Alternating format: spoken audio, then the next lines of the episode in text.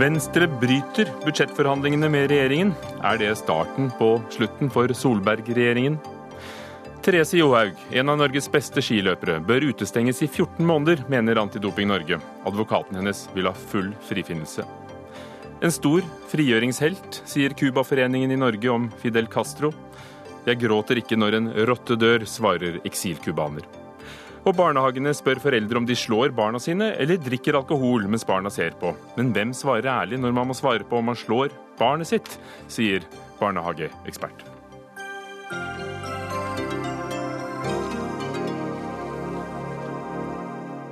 Velkommen til Dagsnytt 18. Hugo Fermariello i studio i dag. Budsjettkrise, budsjettkrise og budsjettkrise. Vi har hørt ordene i lang tid nå. Og i dag kom bruddet. Venstre bryter altså budsjettforhandlingene med regjeringen. Beskjeden kom for en drøy, eh, en drøy halvtime før Fremskrittspartiets hasteinnkalte landsstyremøte, som fortsatt pågår, der Siv Jensen skulle oppdatere sine egne. Trine Skei Grande, leder i Venstre. Er du så misfornøyd med Solberg-regjeringen at du vil sette inn Arbeiderpartiet og Jonas Gahr Støre?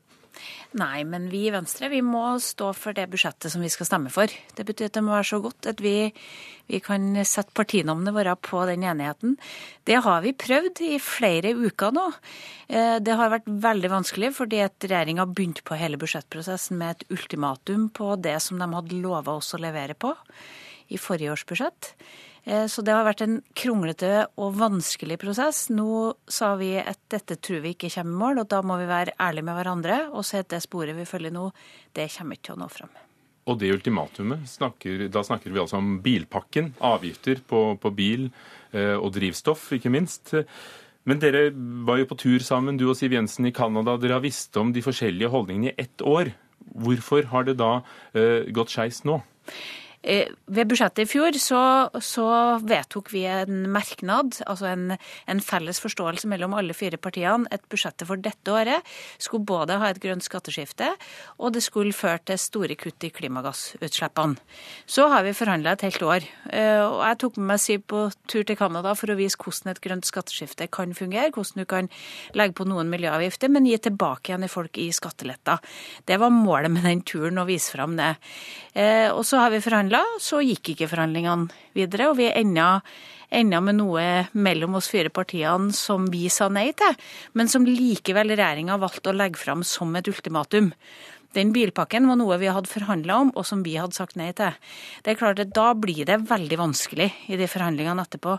Så har vi i Venstre prøvd. Vi har prøvd å gå rundt bilpakken, se på andre tiltak. Vi har prøvd å få bytta innad i bilpakken, sånn at Frp kan komme fra dette med æra i behold. Men det er veldig vanskelig, og vi tror ikke at vi kommer i mål på det sporet vi er nå. Så dere stilte altså ikke et ultimatum fra Venstre? Nei, vi var opptatt av at de skulle følge opp det som de lova oss i forrige budsjett. Nemlig at det budsjettet som kom nå, skulle både ha et grønt skatteskifte og kutte klimagassutslipp betydelig. Men det tar jo Det skal to til for å danse tango? Ja. Er det bare de andres skyld at det er brudd i forhandlingene nå? Ja, Vi har i hvert fall ikke noen flere ideer å legge på bordet. Og vi har vel egentlig ikke oppfatta en eneste idé fra den andre sida. De kommer med en bilpakke som er et ultimatum, og vi går ikke en meter lenger. Eh, og så prøver vi å legge på bordet masse forslag rundt, og da får vi ja, nei eller vi må utrede. Og mest nei og vi må utrede. Partilederne i Høyre, Fremskrittspartiet og Kristelig Folkeparti har alle fått tilbudet, men takket nei til å sitte her i Dagsnytt 18. I morgen skal Kristelig Folkeparti ha ekstraordinært møte, og hva forventer du av dem? Nei, KrF må ta sin avgjørelse. Vi har tatt vår avgjørelse på bakgrunn av vårt partiprogram, det vi har lova våre velgere, og det vi har i vårt alternative budsjett. Og så må, har jeg full respekt for KrF sin egen vurdering av det. Det jeg håper, er jo at eh, engasjementet for klima og miljø er like sterkt i KrF som det er i, Venstre. Det vet jeg jo at det er mange i KrF som har et stort hjerte for. Og så håper jeg også at sentrum holder seg samla. Fordi at det er bare på den måten vi kan prøve å presse politikken mer mot sentrum og bort fra ytterkantene. Altså at KrF velger å stå sammen med dere og ikke støtte regjeringen? Ja, jeg håper på det. Men jeg har full respekt for KrF sin egen vurdering. Og et ord som er blitt brukt, og som vi åpnet med, om enn i andre former, er regjeringskrise. Hva skal til for at denne regjeringen blir sittende? Ja, Da må vi få noen nye forslag på bordet som er skritt i retningen på vårt mål, nemlig både å ha et grønt skatteskifte og eh, muligheten for å kutte mer klimagassutslipp i, i vårt budsjett. Vi vil jo gjerne at vi skulle hatt en borgerlig avtale, og vi, vi har strekt oss, og vi har prøvd, og vi har kommet med forslag. Eh, og det har vi holdt på med såpass lenge nå. Nå syns jeg det var ærlig å si at vi tror ikke vi kommer lenger på det løpet vi holder på med nå. Var det en utløsende faktor? En utløsende faktor var nok at eh, vi merka at nå kom det et tilbud på bordet som var tilbakesteg i forhold til det vi tidligere har, har fått til. Og da tror jeg nok at motet forsvant for trua på at vi skulle komme i mål på det løpet vi har nå. Det er jo sterkt signal dere sender, og det, det ligger jo mye politisk eh, prestisje i det. Men er det noe som skal til for at dere kan gå tilbake til forhandlingsbordet? Ja, Det er bare nye ideer, nye løsninger på hvordan vi skal klare å oppnå de målene vi satte oss i forrige års budsjett. Vi har lagt fram veldig mange. Veldig mange av vi får vi enten nei til, eller blir uaktuelle pga. bilpakken, eller andre ting som, eh, som gjør at det, det stopper alle forslagene. Hvis noen har noen nye, gode forslag som kommer til å virke på de målsettingene, så kommer vi tilbake igjen til forhandlingsbordet. Vi vil gjerne ha en løsning på borgerlig side. Men vi kan ikke, kan ikke, gå rundt og leke at vi kommer i mål på et spor som gruppa vår enstemmig sa at dette tror vi ikke fører i mål. Men vil du være ansvarlig for eventuelt å, å velte en borgerlig regjering og bringe en regjering som ikke er borgerlig? Nei, jeg, mener at vi bør ha en borgerlig regjering. Men det er jo soleklart at det er regjeringa sin oppgave å skape flertall for sitt budsjett. Og du kan ikke love noe i ett budsjett og så ikke klare å levere det til dine samarbeidspartnere i neste års budsjett. Det er oppskrifta på trøbbel.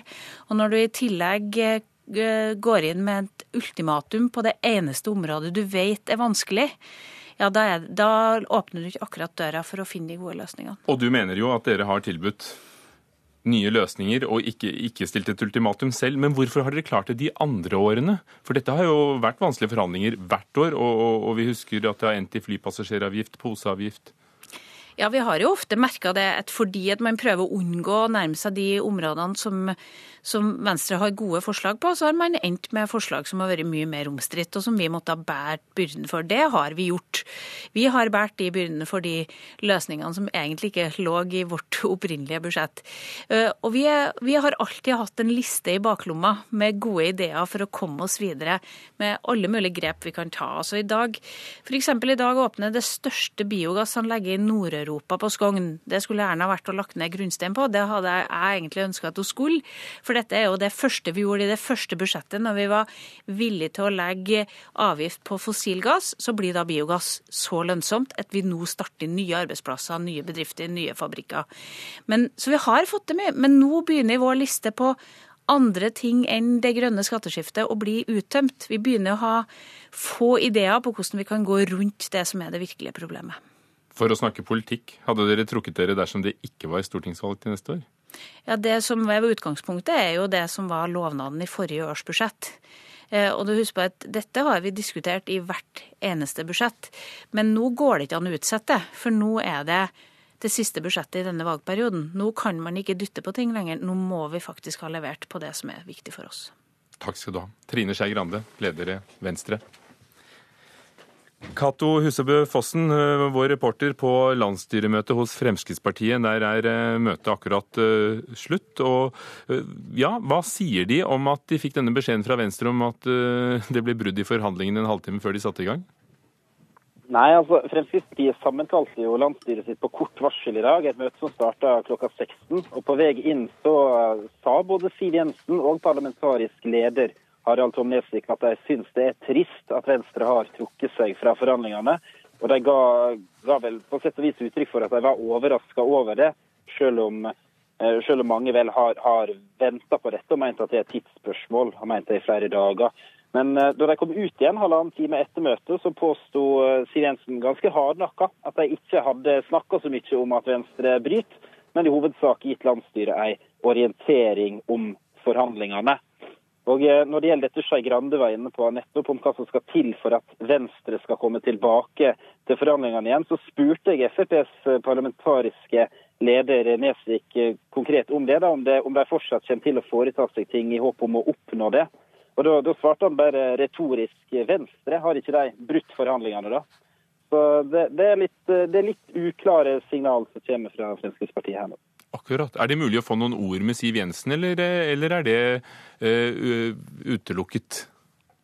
Det hun sa da før hun satte seg i bilen og dro herfra i sted, var at uh, vi har hatt et møte. Hun hadde gitt landsstyret en orientering. Hun nevnte vel i forbifarten at, at bilpakken fortsatt ligger fast. Og så ville hun egentlig ikke svare på spørsmål om videre framdrifta nå, om hun kom til å møte statsministeren i kveld eller ikke, f.eks. Det virker som nå bare eh, både Frp og Høyre ser an å avvente KrF sitt, eh, sitt, ekstraordinære gruppemøte på Stortinget i morgen formiddag. Takk skal du ha, Cato Husebø Fossen. På Stortinget, i vandrehallen, vår reporter Anders Magnus, eh, hvordan er reaksjonene der på at Venstre har brutt forhandlingene? Det er veldig mange som er svært overrasket over det som har skjedd. I opposisjonen, SV, Arbeiderpartiet eh, og også langt inn i posisjonen, eh, Kristelig Folkeparti, til og med venstrefolk, er nok overrasket over at dette bruddet kom. Man var ikke forberedt på at det kom til å bli sånn. De fleste trodde nok at det skulle ordne seg i siste liten. Det gjorde det altså ikke, og vi står overfor kanskje en helt ny situasjon, litt avhengig av hva eh, Kristelig Folkeparti gjør i morgen. Men eh, vi har med oss Jonas Gahr Støre, du er jo leder for opposisjonen. Ble du også overrasket? Ja, fordi jeg hadde regnet med at når de fire partiene har forpliktet seg til en avtale om å levere budsjettet hvert år, og de har brukt to måneder på å forhandle, så måtte det handle om et eller annet som kunne levere.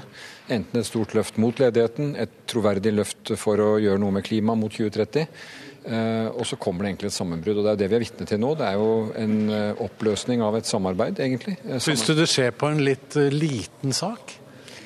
Altså Klima er en stor sak. Men, men akkurat disse, denne bilpakken? Ja, det skjer jo fordi Erna Solberg og Siv Jensen valgte å sette et ultimatum som en mindretallsregjering opp mot Stortinget.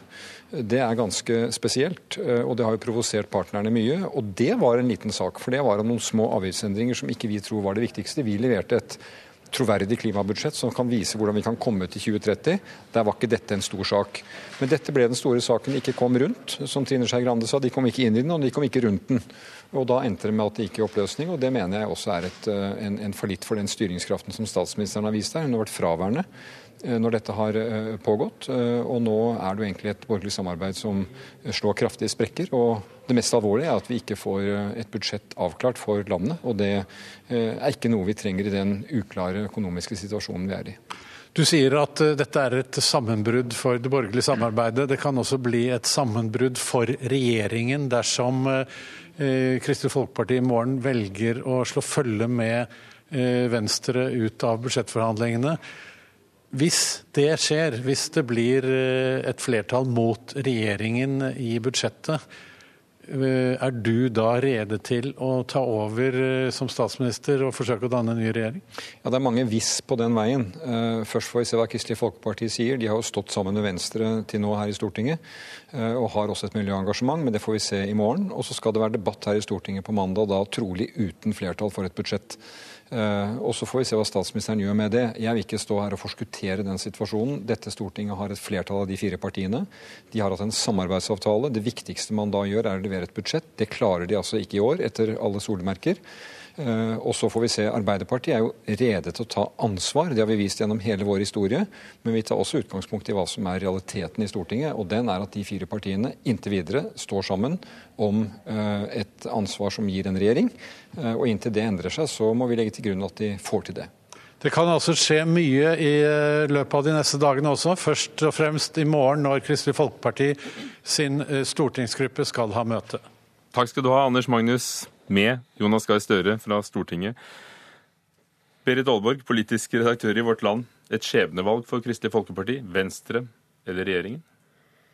Nei, Det er veldig vanskelig å si. Um, gruppa er jo, altså Stortingsgruppa til KrF som skal møtes i morgen, de er jo delt på mange måter og veldig sånn usikre på hva de skal gjøre.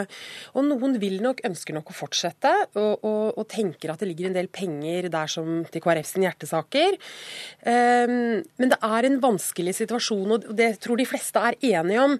Det er at det blir en slags tapssituasjon for KrF uansett. For på redder de regjeringen, så kan de få miljøtyn. Og, og de, kan det, eh, de, kan også bli det, partiet som så å si har redda en, en regjering som, som nå er, eh, er, en veldig krevende situasjon, men som også er eh, svekka. Erna Solberg er jo også svekka gjennom denne prosessen. Men hvis de velger å trekke seg ut, så er de redd for at de eh, vil, få, vil, være det partiet som har kasta landet ut i en regjeringskrise. Så dette er de vurderingene KrF sitter og tar, og det er ikke gitt hva de kommer til å lande på i morgen. Men det er verdt å merke seg at Knut Arild Hareide tidligere har sagt at det skal mye til før de går i en annen retning enn Venstre. og Det jeg tror jeg er en uttalelse som fortsatt står seg. Men likevel, det kan altså skje at de gjør noe annet i morgen. Ja, Lars Nehru Sand, vår politiske kommentator her i NRK. Hva kan skje? Mandag skal det være debatt i Stortinget om dette? Ja, Det er jo egentlig tre valg eh, Kristelig Folkeparti har nå. Det ene er å eh, inngå, eller fortsette langt på vei forhandlingene og sånn sett gå inn på et eget rom med, med regjeringen. Det vil jo eh, være å nærmest billig talt vise ryggen til Venstre veldig tydelig. Det andre er å eh, ikke fortsette å forhandle, men kanskje likevel stemme for et justert opplegg i stortingssalen på mandag. Eh, det kan de gjøre eh, når de får se det opplegget på, på, mandag morgen. Men de kan også si at de nærmest krever at, at uh, statsministeren stiller et kabinettspørsmål i uh, Stortinget. Forskjellen her er jo, handler litt om hvor mye vil de vise at de er på lag med regjeringen, og kan de uh, prøve å, å, å, vise frem her at de ikke er på lag med regjeringen, men heller ikke vil, vil kaste landet ut i en regjeringskrise. Og det handler også om hvor, hvor stor avstand eller tilhørighet nærmest til Venstres skjebne de også vil vise. Men de vil stå i et vanvittig krysspress frem til mandag. Fordi selv om dette budsjettet åpenbart er for dårlig til at, FRP, nei, til at KrF vil kunne si ja til det som foreligger nå, så kan det også, spesielt etter at, eh, at Høyre og Frp vil justere budsjettet, eh, bli for bra til at KrF kan si nei til det. Og da eh, kan det i seg selv bli et tungt tungtveiende argument for at det blir krevende for, for Hareide å begrunne at man, eh, man ikke stemmer for, om etter et kabinettspørsmål på mandag. Frøy Gudbrandsen, politisk redaktør i Bergens Tidende. Hva, hva har Venstres brudd hatt å si, som du ser det? Det, er jo et, uh, altså, et nederlag for hele borgerlige siden. Eh, selvfølgelig er det det. Eh, men, det. men, det. ser litt annerledes ut liksom, fra hvert enkelt parti. Og det som er på en måte borgerlig sides interesser som helhet, det er jo noe annet enn for hvert enkelt parti. Og for Fremskrittspartiet f.eks. er jo Eh, hvor stor krise er det egentlig for dem om dette liksom går riktig ille eh, og regjeringen liksom faller? Eh, de har jo nå vist at de er et, et ansvarlig regjeringsparti, de har fått gjennomslag for masse. Og, og, det å kunne eventuelt da gå inn i en valgkamp litt mer som frittstående og kan, kunne ja, slippe løs sine friskere politikere som nå er statsråder, altså det er ikke sikkert at det er så ille for dem. Og det samme for så vidt med Venstre, som er, eh, nå ligger rett over sperregrensen og er liksom helt fullstendig avhengig av å være troverdig i eh, klimapolitikken. Så det om, hvis måtte, dette fører til et totalt sammenbrudd til slutt, så er det selvfølgelig et, et kjempenederlag for Erna Solberg. Veldig synd for det borgerlige samarbeidet. Men for liksom hvert enkelt parti så ser, ser det ganske Så er det ikke så tragisk som en del prøver å få det til å høres ut som i dag, da. Hva, hva, synes dere om det? Er det sånn at uh, om ikke helheten tjener, så tjener hver enkelt av eh, partiene? Jeg tror de som, til, de, de som tar parti som taper mest på det, er åpenbart Erna Solberg og Høyre. Fordi de har vært det største partiet i denne koalisjonen. Og se, la oss si det, det, nå ender opp med en eller annen form for krise eller et kabinettspørsmål, eller at man iallfall ikke greier å finne sammen.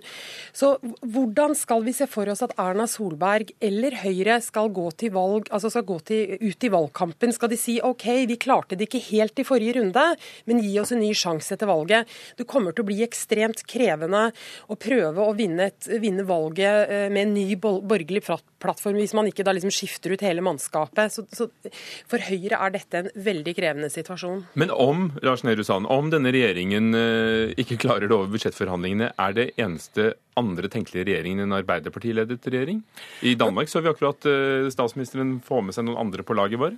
Ja, jeg vet ikke om eh, Erna Solberg ser for seg å kunne sette inn Venstre og KrF i en regjering, men det er absolutt en, en naturlig utgang at, eh, at, Erna Solberg da fortsetter i en Altså alene i en ren høyreregjering, med den begrunnelse at Arbeiderpartiet vil kunne vise til at det er et borgerlig flertall på Stortinget, og at, at det sånn sett får være borgerlig sides største parti i sitt ansvar å, å finne en regjering og, og, få til et stortingsflertall.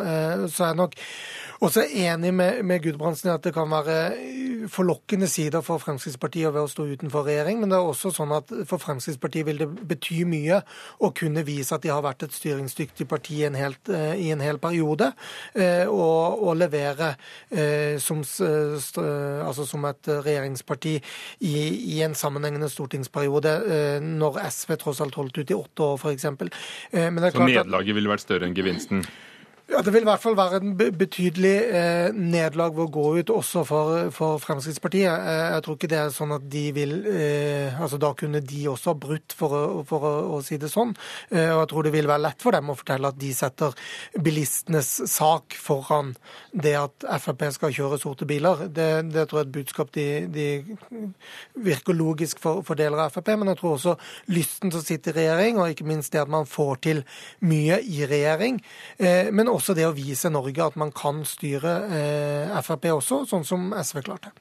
Gudbrandsen, eh, hvert år har det vært problemer, men, men, i år har det jo da blitt helt eh, fastlåst. Og Vi hørte jo Trine Skei Grande si her at de hadde prøvd å, å gi alt, men regjeringen var ikke til å rikke. Er det, er det sånn du også leser situasjonen? Altså, det blir jo ekstra ille i år fordi det er siste sjansen. Og de fikk jo lovnader i fjor som de mener overhodet ikke er eh, innfridd. Eh, og det er, har jo selvfølgelig noe å si at det, er, at det er eh, stortingsvalg neste år, og at nå må man på en måte, nå må de ha noe å vise til. Og for Venstre nå, da. altså etter flyktningkrisen så er på en måte alle, alle, gjennomslagene de fikk på asyl, innvandring, de er jo bare helt sånn, de er bare helt borte.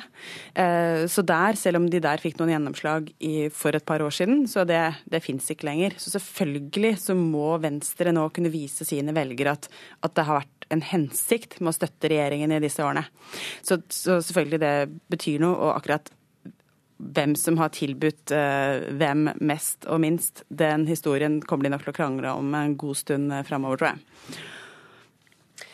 Eh, jeg hadde bare lyst til å komme med en liten kommentar til det som ble sagt i stad om at Erna Solberg eh, kan sitte i en eller annen variant. For det, det, det, er, det, har vært diskutert veldig mye.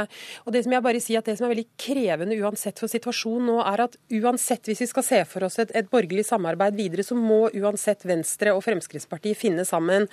Og det, har vært, det er mye såre følelser etter denne runden som har vært nå, så det kan uansett bli krevende hvis man skal se det for seg fremover. Lars Nehru Sand, hva nå? Nå ligger jo det borgerlige samarbeidet i, i, respirator frem til valget. altså Det er jo ikke noe, jo ikke noe ny liv og glød i, i, mellom de fire partiene. så Det er jo det er på en måte opplagt. og Dette blir også historien om hvordan Erna Solberg har klart å, å lede det eh, prosjektet. Eh, en parallell til i forlengelsen av Gudbrandsen er jo at eh, både i asylforliket og nå med denne bilpakken, så har jo Frp fått spilt en veldig tydelig rolle som noen vil si nærmest opposisjonslignende parti, i hvert fall være veldig tydelig på sine primærstandpunkt. Eh, og det har jo ført til at det gjentatte ganger i denne historien har blitt en historie om at sentrum og Frp ikke lot seg føre sammen eh, til en varig samling, sånn som var Erna Solberg sin drøm. Og det er på sett og vis det mest dramatiske eh, overordna bildet vi kan trekke av dagen i dag, og sikkert også denne stortingsperioden. Risikerer vi å, å ikke få et budsjett på plass innen fristen? Fristen. Har, I USA skjer jo sånt rett som det er. Ja, og det vil overraske meg stort hvis det skjer like dramatiske ting i, i Norge, fordi Stortingets eh, budsjettsystem er litt mer eh, robust, som regjeringen sikkert ville kalt det. Men, men, det er klart, vi, vi står i en, eh, noen dager nå hvor det er veldig uoversiktlig. Så på en måte kan allting skje, men at landet får et budsjett for nyttårsaften, det, det tror jeg er ganske sikkert. Takk for robust innsats, Lars Nehru Sand fra NRK, Frøy Gudbrandsen fra Bergens Tidende og Berit Aalborg, Vårt Land. Dagsnytt 18 alle hverdager kl 18.00 på NRK P2 og NRK2.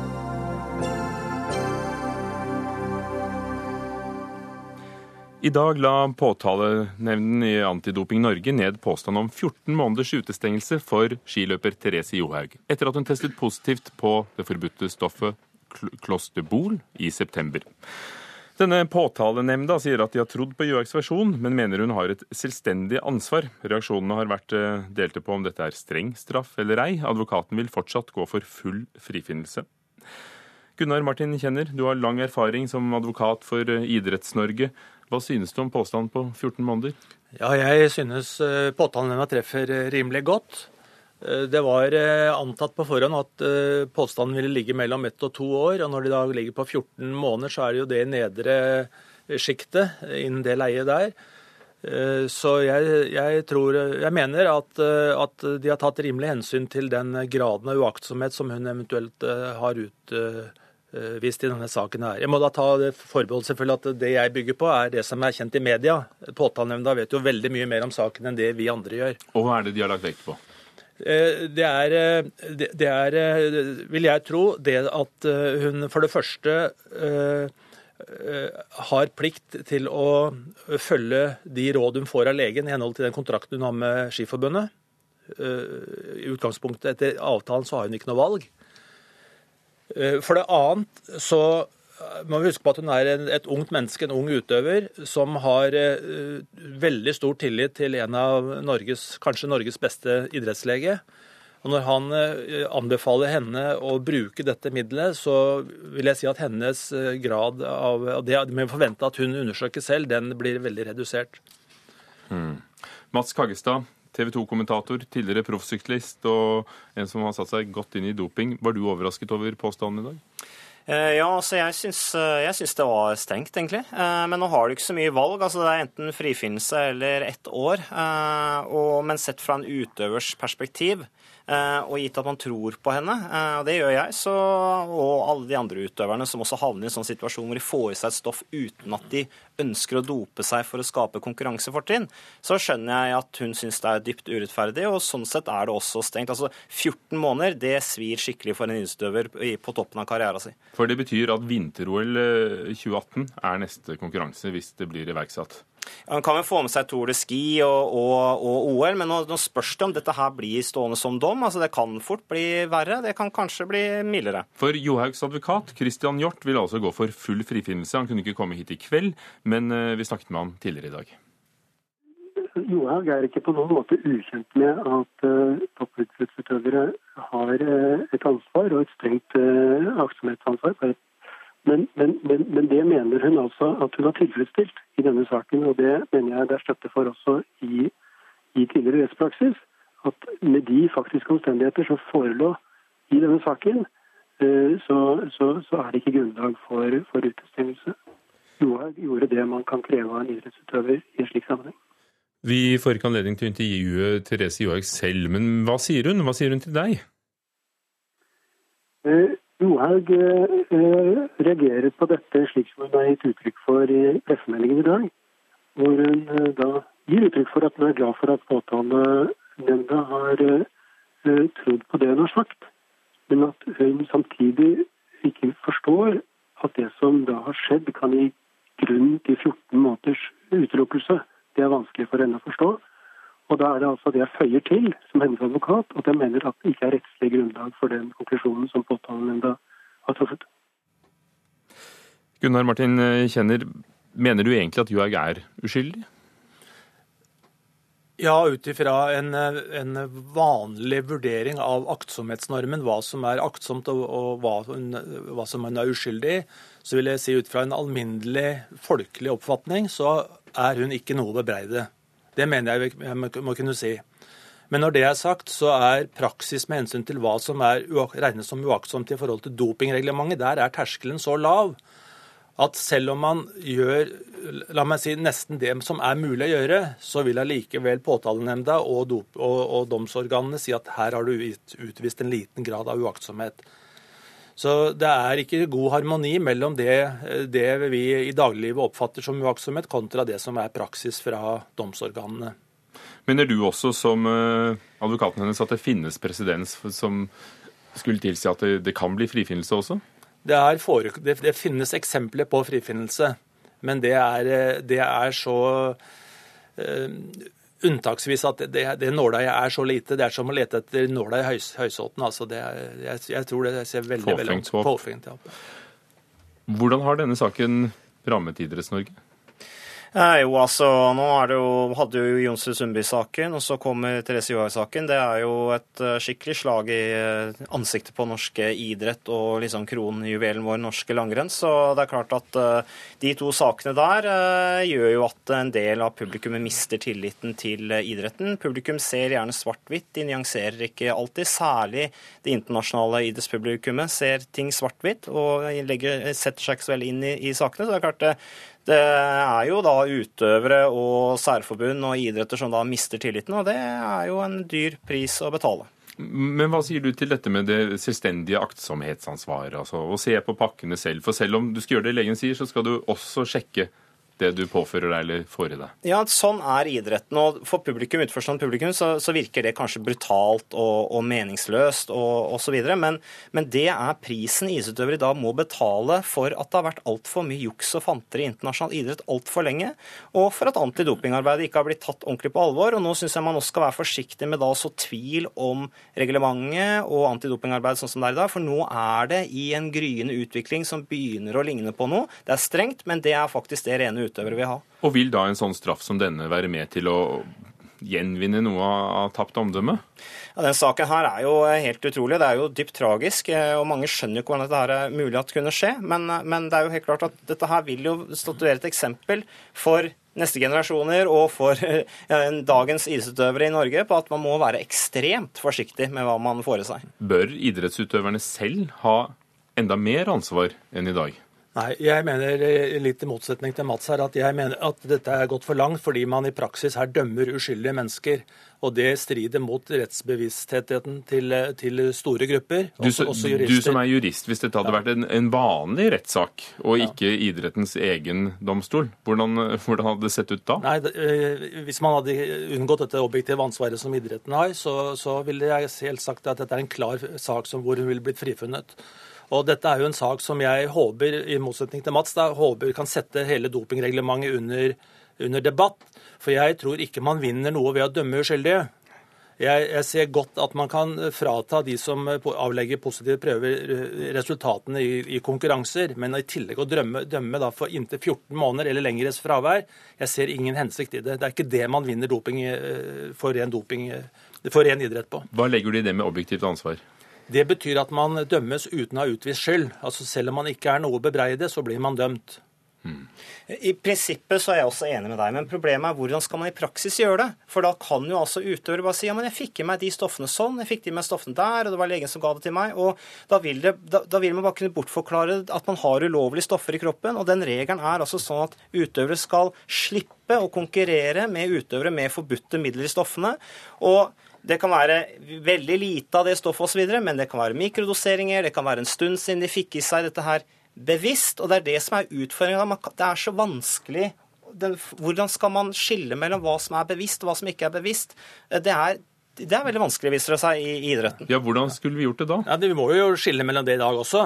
Eh, men, men, ja, grad av skyld. Men ja. det som er utfordringa her, er at det enten er frifinnelse eller tolv måneder. Jeg mener at hun burde fått en mild straff. Det burde kanskje vært en, en, bedre løsning her, men her er det fordi at dette stoffet er sånn særskilt stoff, så er det liksom minimum tolv måneder. Og det er jeg enig i. Det, det syns jeg er, er, er, rart. da. Jeg står på at uskyldige ikke kan dømmes for straff. Det strider mot alle grunnleggende prinsipper, og det er en veldig primitiv måte for rettshåndhevelse å dømme uskyldige. Og så får vi se hva som skjer i denne saken. Takk for at dere kom, Gunnar Martin Kjenner, advokat, og Mats Kagestad, TV 2-kommentator og syklist.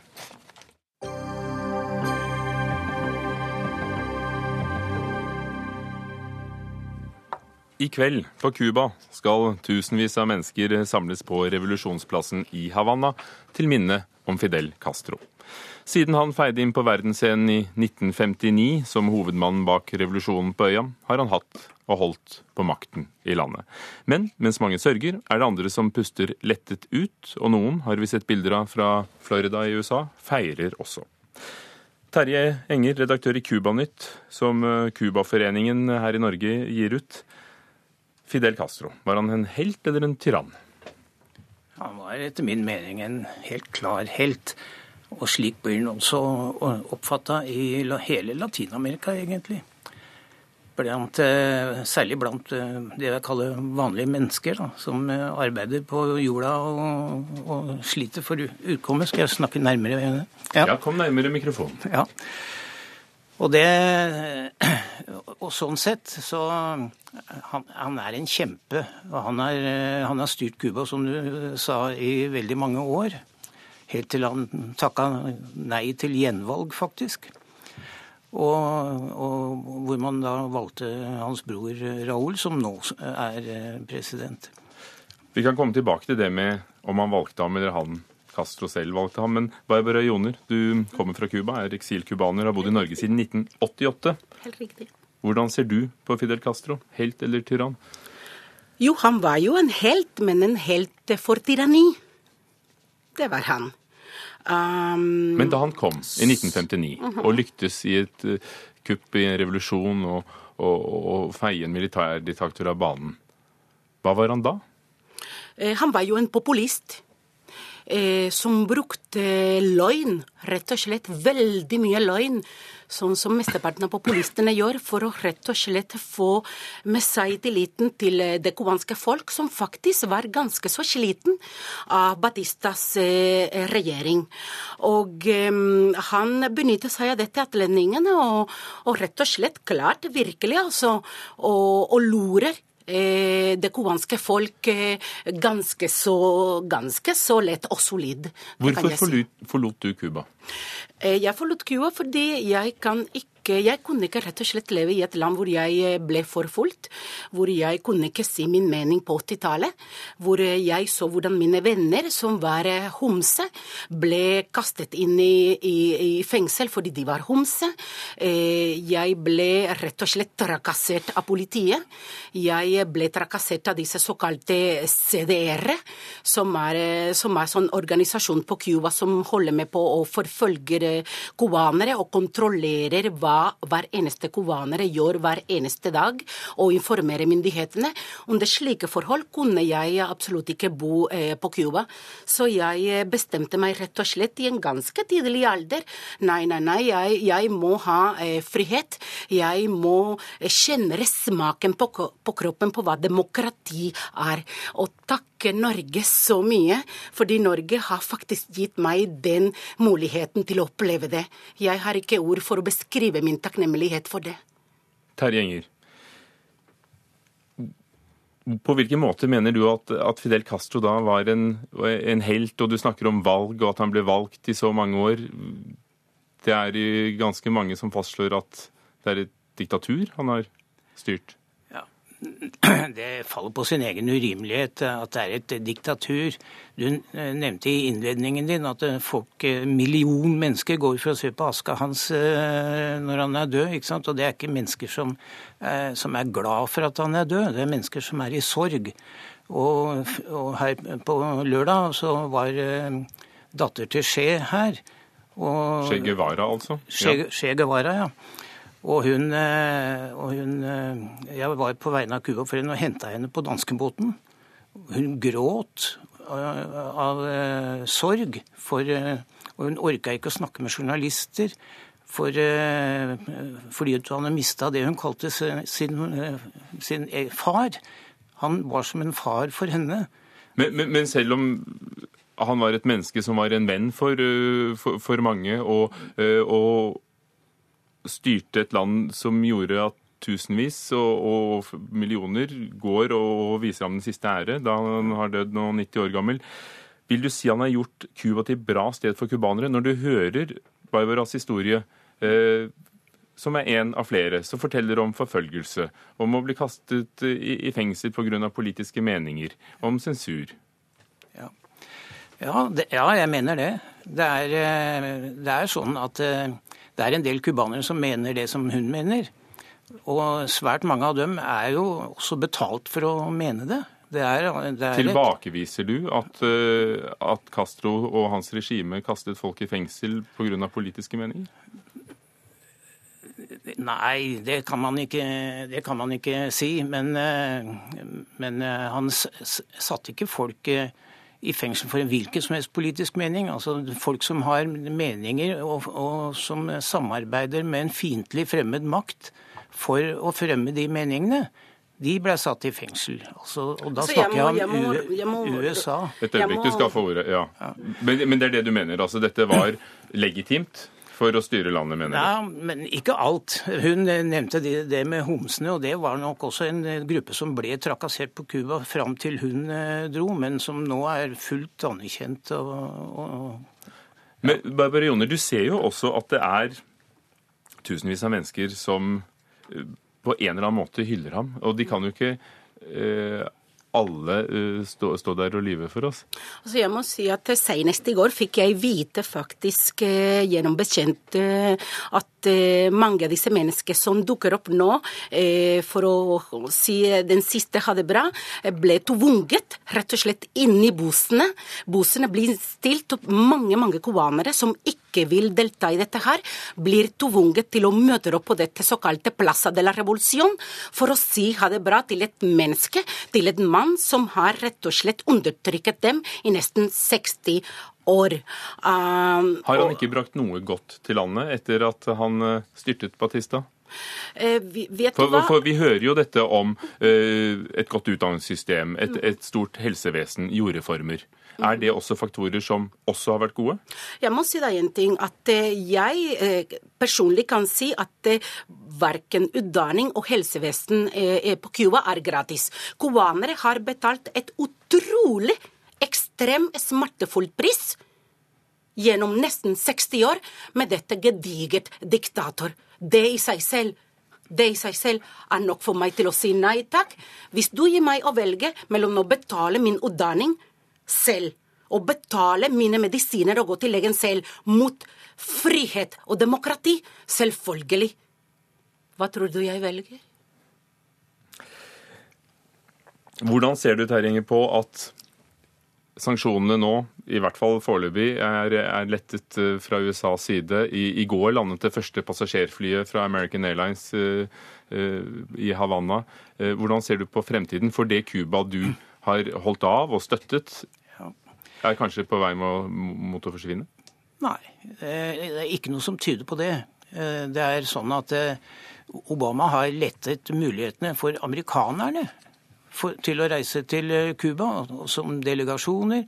Og opprette fly- og, og fergeforbindelser eh, også.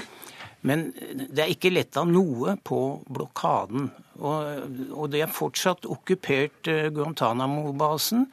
Og det er, det er ikke, egentlig ikke skjedd nesten noe annet enn at det er oppretta en ambassade, og at Obama flyr rundt med koseprat. Og, og da skrev Castro en syrlig kommentar til Obama.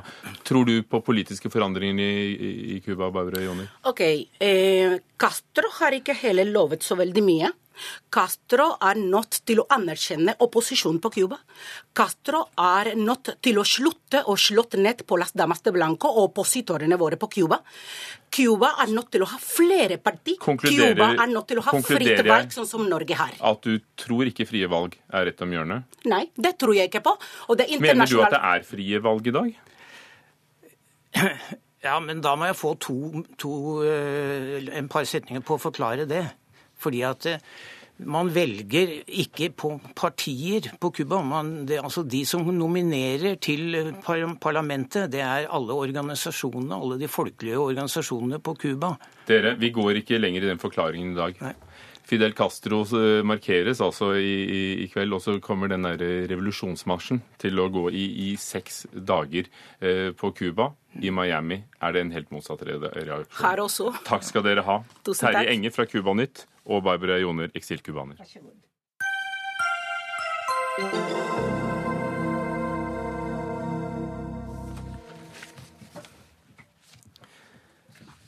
Hvilken bransje er den mest lønnsomme? Oljeindustrien, bankindustrien, mediebransjen?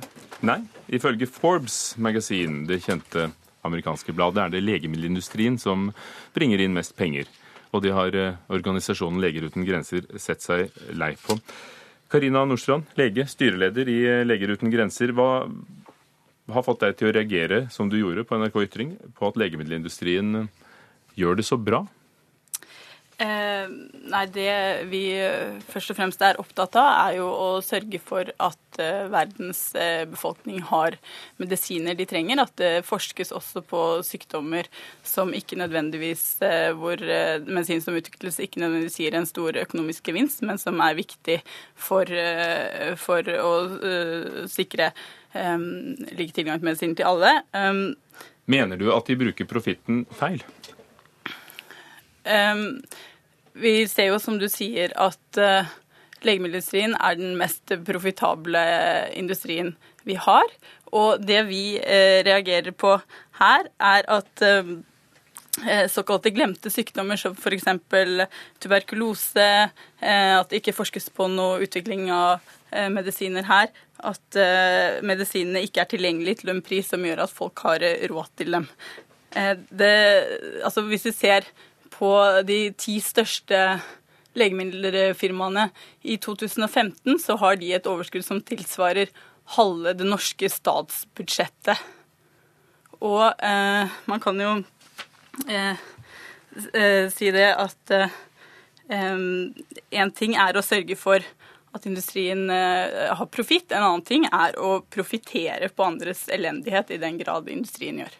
Karita Bekkemellem, administrerende direktør i, i legemiddelindustrien, altså bransjeforeningen Legemiddelindustrien. Bruker dere profitten riktig? Ja, og det er jo heldigvis en suksess for pasientene våre, både i den tredje verden og i vårt eget land, at det går bra med legemiddelindustrien. Og vi er i en situasjon der vi kan stå overfor helt nye former for epidemier. Og det gjør jo det at vi er nødt til å ha kapital til å forske og utvikle. Og så er det jo slik at vi er nødt til å tiltrekke oss hele tida kapital for å kunne investere i ny forskning.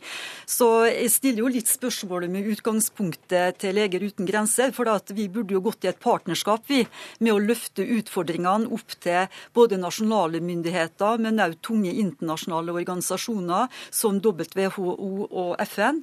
Eh, så jeg forstår liksom ikke helt hvorfor industrien blir angrepet. Vi er ja, en kommersiell aktør, vi er på børs, eh, vi har krav i forhold til inntjening, men vi er òg en aktør som bruker enorme summer av inntjeninga til ny forskning og utvikling. For hvordan skulle vi ellers skaffet eh, disse enorme summene som det koster å frembringe nye uh, legemidler, hvis det ikke var for en privat industri, som da også må gå bra for å, å, å skaffe de midlene? Eh, altså for det første så er det jo et stort problem at industrien ikke er åpen om eh, hvor mye penger det faktisk koster å forske frem disse nye medisinene. Eh, industrien kommer med noen svært høye anslag, men eh, tall fra eh, uavhengige kilder, altså offentlige institusjoner for forsker frem sånne medisiner, tilsier et langt lavere tall. Men hva bygger du på da? Altså, Hva er det du bygger på? Jeg sitter jo her med tall som viser, som er fra i år, som viser nettopp at eh, det koster 2,9 milliarder amerikanske dollar å utvikle et legemiddel. Så det er jo ikke slik at ikke det finnes tall på det. Men samtidig så ser vi òg at utviklinga av medisiner blir endra. Bare i løpet av de siste årene så ser vi at modellene for å utvikle medisiner endrer seg enormt. Eh, og det gjør jo at vi er nødt til å ha nye former for partnerskap Vi skal utvikle medisiner som vi faktisk ikke har lyst til å ta i bruk i forhold til antibiotikaresistens. Nå er jo din en stor bransje, og det er vanskelig å gre eh, alle over én kam. For det, det finnes jo veldig veldig mange forskjellige bransjer. For noen år siden var det et lite firma i USA som begynte å kjøpe opp lisenser på eh, livsviktige mm. medisiner for å skru prisen opp. Eh, medisiner det ikke fantes alternativ til. Er det sånn at Nei, Alle agerer riktig? Nei, det, det, er det ikke. Og vår bransje vil òg ha aktører som vil gjøre feile ting som ikke er forsvarlig som andre næringsaktører. Og Det slår vi hardt ned på. Men det er faktisk slik at i forhold til å komme med medisiner og komme med ulike tiltak til den tredje verden, så har legemiddelindustrien en rekke tiltak. Og jeg syns det er oppsiktsvekkende at, at Leger uten grenser, som vet at det er nettopp vår bransje som er med på å skape den verktøykassa som legene er nødt til å ha for å kunne redde liv, både i vårt land og i den tredje verden. Ja, men altså, La oss ta et eksempel. Altså, da jeg jobbet med flyktningene i Hellas i våres, så måtte vi betale nesten 700 kroner for å vaksinere ett barn mot eh, lungebetennelse. Og Det var barn som levde i en situasjon som gjorde dem ekstremt sårbare for infeksjonssykdommer, og det florerte av luftveisinfeksjoner. 700 kroner måtte vi da betale. Eh, I 2014 så solgte Pfizer og GSK eh, eh, vaksine mot lungebetennelse for 19 milliarder kroner. Så du Eh, mener, og- hva, hva mener du at de burde gjort? Nei, Satt ned altså- prisen? Fordi det finnes jo også eksempler på differensiering av pris. Altså I Norge koster eh, den ganske nye behandlingen mot hepatitt C eh, nærmere en halv million kroner. I India koster den titusener av kroner. Så, sånn at eh, legemiddelindustrien tar jo hensyn til hva markedet kan betale. Ja, I dette tilfellet gjorde de jo ikke, ikke det. Altså, nå er det en gledelig nyhet at eh, Pfizer etter syv år med massiv aktivisme fra vår side har satt ned prisen på den eh, vaksinen nå i høst. Men det måtte altså syv år med maks massiv aktivisme Men, men vi til før de gjorde grenser, det. vil Leger uten grenser være med å ha et differensiert eh, prissystem som gjør at den, tredje, den rike delen av verden skal betale mer for å utvikle legemidler kontra den tredje delen av verden. Og Da kunne vi gått i et partnerskap. og Jeg utfordra, jeg sendte et brev til Leger uten grenser i 2009, der jeg inviterte til et samarbeid om hvordan kan vi løfte felles utfordringer for å kunne gjøre mer på global helse. Leger uten grenser har ikke engang brydd seg med å svare. Og da stiller litt spørsmålet hva er motivet til Leger uten grenser? Er det mer en sånn aksjonsform der en peker på legemiddelindustrien som den store kjeltringen? Vi er den som redder liv hver eneste dag. Men og hvor mye, hvor mye kan dere i. Norge gjøre? Dette er jo internasjonale konserner med internasjonale eiere, som da ifølge Forbes tar ut noen av de største profittmarginene.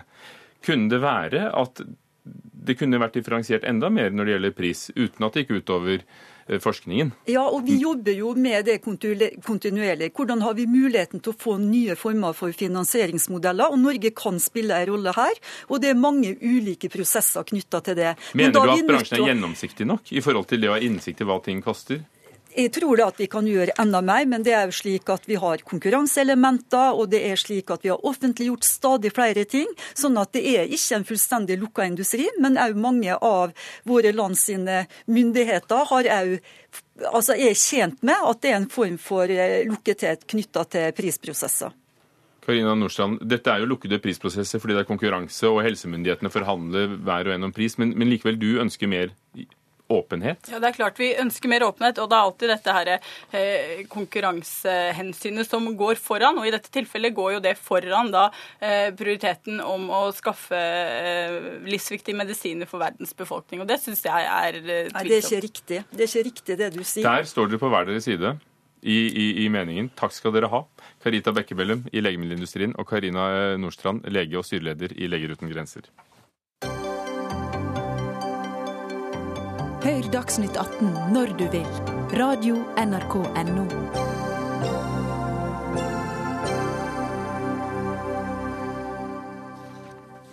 Porsgrunn kommune og flere andre kommuner bruker et skjema der eh, foreldre og foresatte får direkte spørsmål om de slår barna, om sitt eget forhold til alkohol og rusmidler. De spør for å avdekke om barn som skal i barnehagen utsettes for vold eller omsorgssvikt hjemme hos seg selv, men det virker mot sin hensikt og er helt forkastelig, ifølge en kritiker. Men aller først Tollef Stensrud, kommunalsjef for oppvekst i, i Porsgrunn. Hvordan tror dere at disse spørreskjemaene kan hjelpe til å avdekke omsorgssvikt? Disse spørreskjemaene de eh, avdekker eh, ikke omsorgssvikt i første omgang.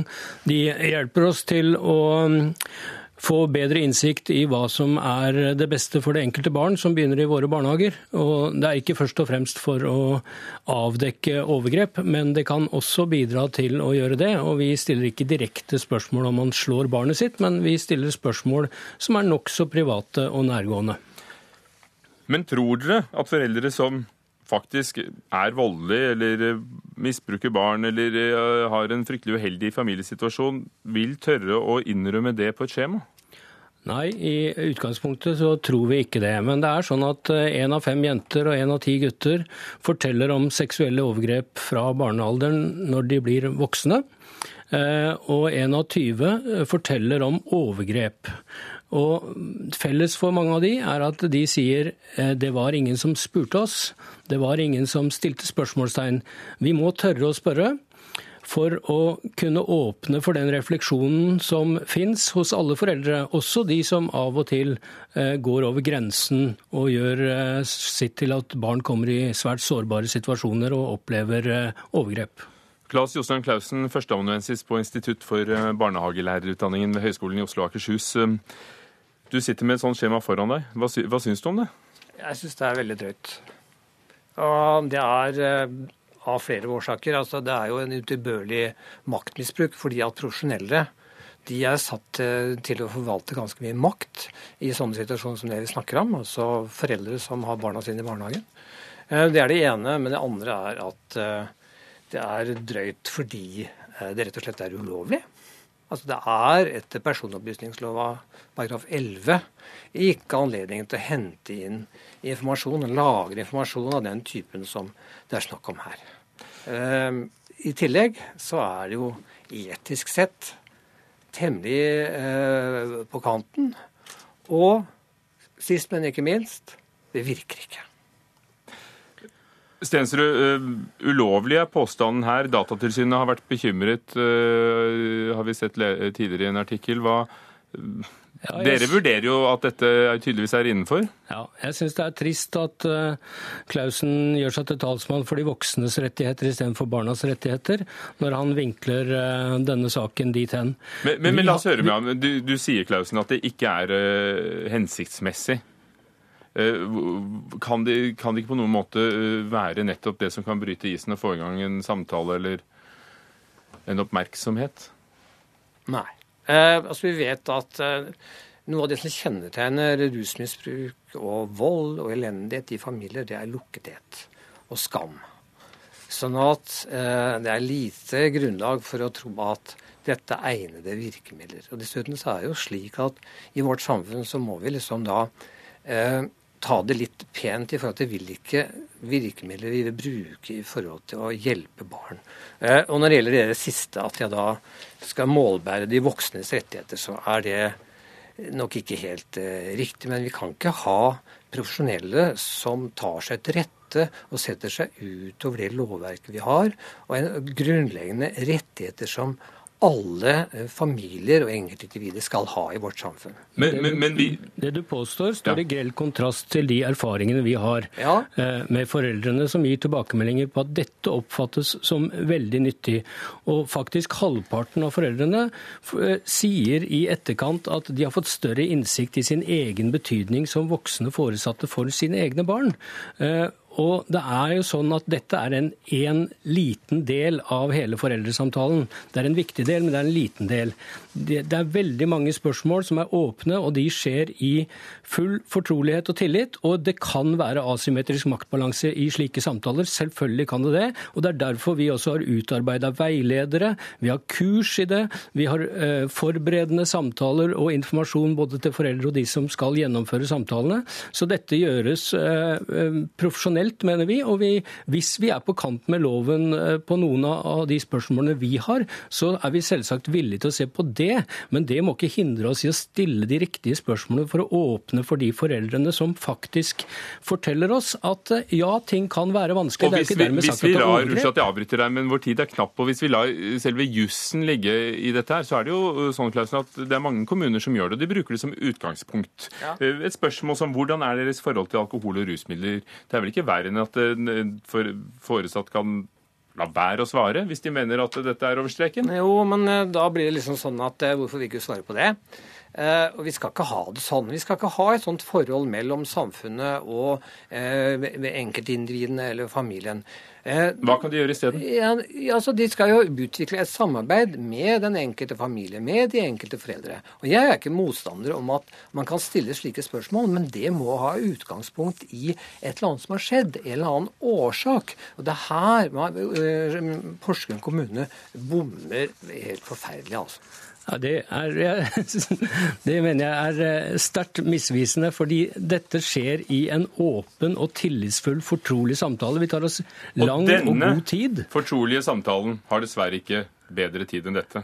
Takk skal dere ha. Tolle Stensrud, kommunalsjef for oppvekst i Porsgrunn kommune. Claes Jostein Clausen ved Institutt for barnehagelærerutdanningen ved Høgskolen i Oslo og Akershus. Fredrik Lauritzen var ansvarlig for denne utgaven av Dagsnytt 18. Erik Sandbråten teknisk ansvarlig. Programleder Ugo Fermarello. Takk for i dag.